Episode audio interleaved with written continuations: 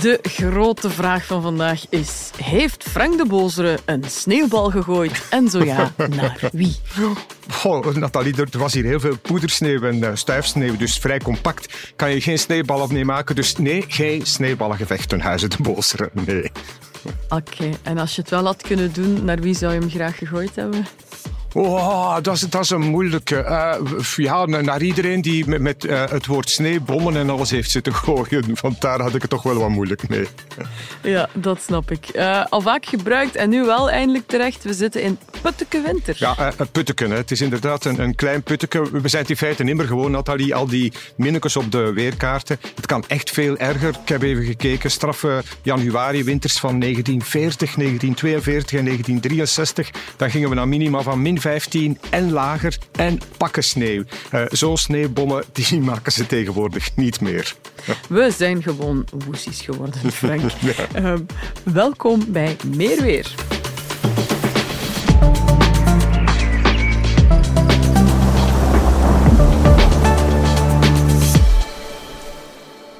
Ik ga toch nog één keer vragen. Ziet Frank de Bozere sneeuw dwarrelen aan zijn raam?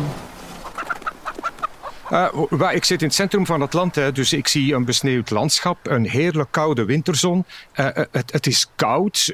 Ook vrijdag bijvoorbeeld gaan we in Vlaanderen, maar net boven het vriespunt. En dus wel met stevige nachtvorst in het binnenland, hè, Nathalie. Ja, en de voorspellingen die klopten toch wel min of meer. Hè. Er is wel degelijk behoorlijk wat sneeuw gevallen de voorbije dagen. Niet overal, daar komen we straks nog op. Mm -hmm. Maar wat geeft het de komende dagen? Wel, dus uh, zaterdag uh, een ijskoude start. S ochtends zijn dat temperaturen net onder het vriespunt aan zee. Maar in het binnenland zitten we al gauw aan min 5 tot min 7. En lokaal gaan we oh. nog lager in de nacht van vrijdag op zaterdag. En zeker dus zaterdagochtend in Hoog-België. Zou me niet verwonderen dat daar een min 10 tot min 15 in zit. Met dan zaterdag wow. overdag. Ja, dat is veel. Maar bon, daar in Hoog-België zijn ze wel een en ander gewend. Daar is ook een, een serieus pak sneeuw natuurlijk gevallen. Mm. Zaterdag is dan overdag zonnig, droog en koud. Met maxima rond het vriespunt. Zondag uh, komt er wat bewolking. We gaan naar plus 6 graden. Oké. Okay. Ja, je voelt hem komen. Volgende ja. week dooi, Nathalie. Algemene dooi vanaf maandag. Hopla. Ja, maandag en dinsdag veel wind, felle rukwinden en natuurlijk ook regen. Maar als compensatie uh, volgende week uh, zachte temperaturen, 10 graden en meer. Trouwens ook de rest van volgende week is de winter weg met uh, veel wolken, af en toe een goede oude regenzone en maxima in de buurt van 10 graden. Geen nachtvorst meer dan je mocht je regenzones hebben. Maar ja, ik weet het, sorry. Ik wou je net vragen waarom de kou zo lang blijft hangen, maar ze blijft dus niet hangen. Wel, dat die kou blijft hangen, dat is om, omdat we een, een sneeuwlaag hebben op uh, veel plaatsen in Vlaanderen. Sneeuw die isoleert namelijk heel goed. En boven een sneeuwlaag zien we dan s'nachts, zeker onder de sterrenhemel, het kwik snel wegduiken. Hè, nacht van vrijdag op zaterdag. Hè. Ja. En die koude plaklaag, die laat zich maar heel moeilijk verdrijven. En zo zou je wel eens in een negatieve, letterlijk en figuurlijk, een negatieve spiraal kunnen terechtkomen. Dus je hebt veel wind nodig om alles opnieuw in beweging te krijgen. We konden er niet omheen, ook op social media, overal witte tapijtjes. Uh, hoe zwaar weegt dat eigenlijk? Zo, zo, sneeuw op een dak bijvoorbeeld. Dat kan toch wel een tapijt zijn. Hè? Dus uh, we rekenen meestal 1 mm neerslag, dat is 1 centimeter sneeuw. Dat is wel een gemiddelde. Onder invloed van dus zijn eigen gewicht kan die sneeuw geleidelijk aan beginnen samen te drukken. Dus een, een weken oude sneeuwlaag, daar kan al 30% water in zitten. En sneeuw die maanden blijft liggen, we gaan naar Scandinavië, die kan tot 50% water bevatten. Nu, uh, één vierkante meter verse sneeuw van 1 centimeter dik op een horizontaal dak, dat geeft dan een gewicht van iets van, van 1 kilo. Het hangt af van de sneeuwsoort. Dus een dakoppervlak van 100 vierkante meter, bedekt met een verse sneeuwlaag van pakweg 20 centimeter. Dat is dus een extra gewicht van 100 maal 20 maal 1, 2000 kilo, 2 ton. Uh, het heeft ook positieve kanten, want als die sneeuw blijft liggen op je dak, wil dat dus zeggen dat je dak goed geïsoleerd is. En de sneeuw zorgt nog eens voor bijkomende isolatie.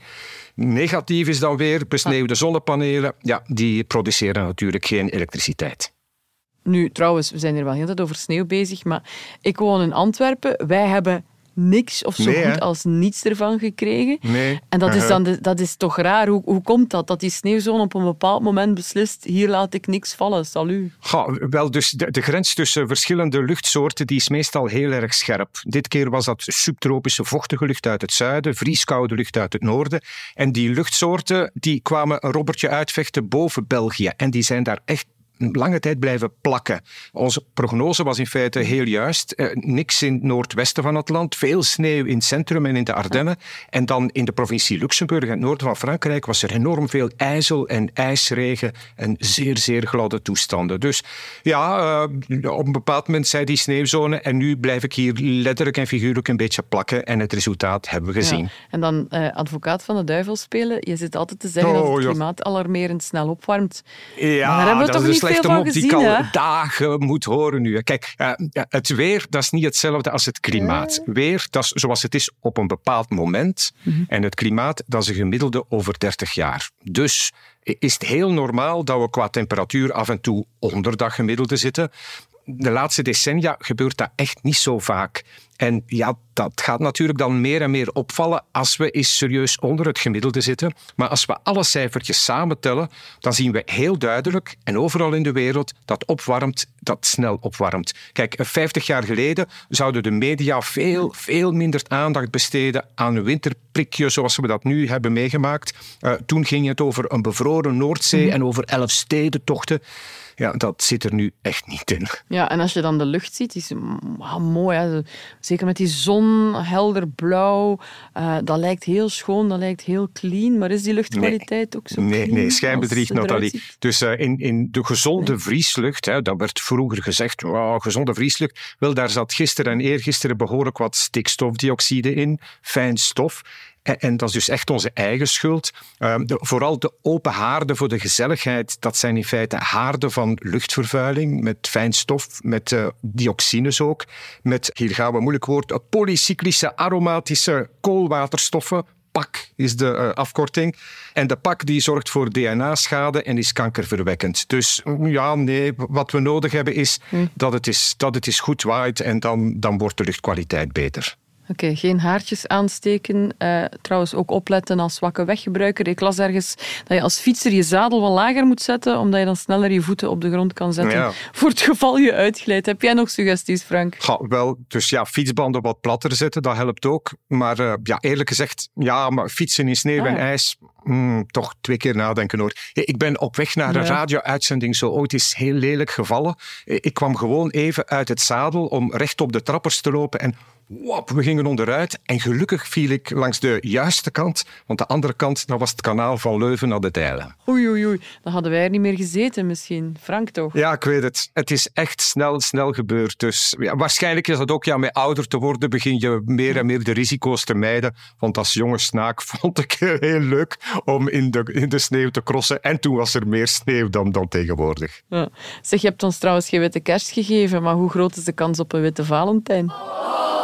Oh, mevrouw heeft plannen. Wel, kijk, eh, in, de, in, december zijn er gemiddeld gesproken iets minder dan vier sneeuwdagen. Maar voor de maand februari hebben we het over gemiddeld vijf sneeuwdagen. En dat is een kortere maand. Dus meer kans op een witte Valentijn dan op een witte kerst. En ik heb een vermoeden van sneeuw ook in je weerspreuk. Uh, hier gaan we. Dooi zonder wind is niet waard dat hij begint. Dus onze voorouders hadden het bij het rechte eind. Uh, volgende week gaat het waaien en krijgen we dooi en regen en zacht weer. Alright, bedankt Frank de Bozere. Hou het warm en geef ons nog maar eens jouw legendarische laatste zin. Wel, volgende week ben ik er weer met meer weer. En dit was hem, Meer Weer, een podcast van Nieuwsblad in een productie van Eva Migom en mezelf, Nathalie Delporte. Muziek en montage, House of Media. Met dank aan de toch wel mooie witte weerkaarten en het zonnige zelf van Frank de Bolter. Dag iedereen.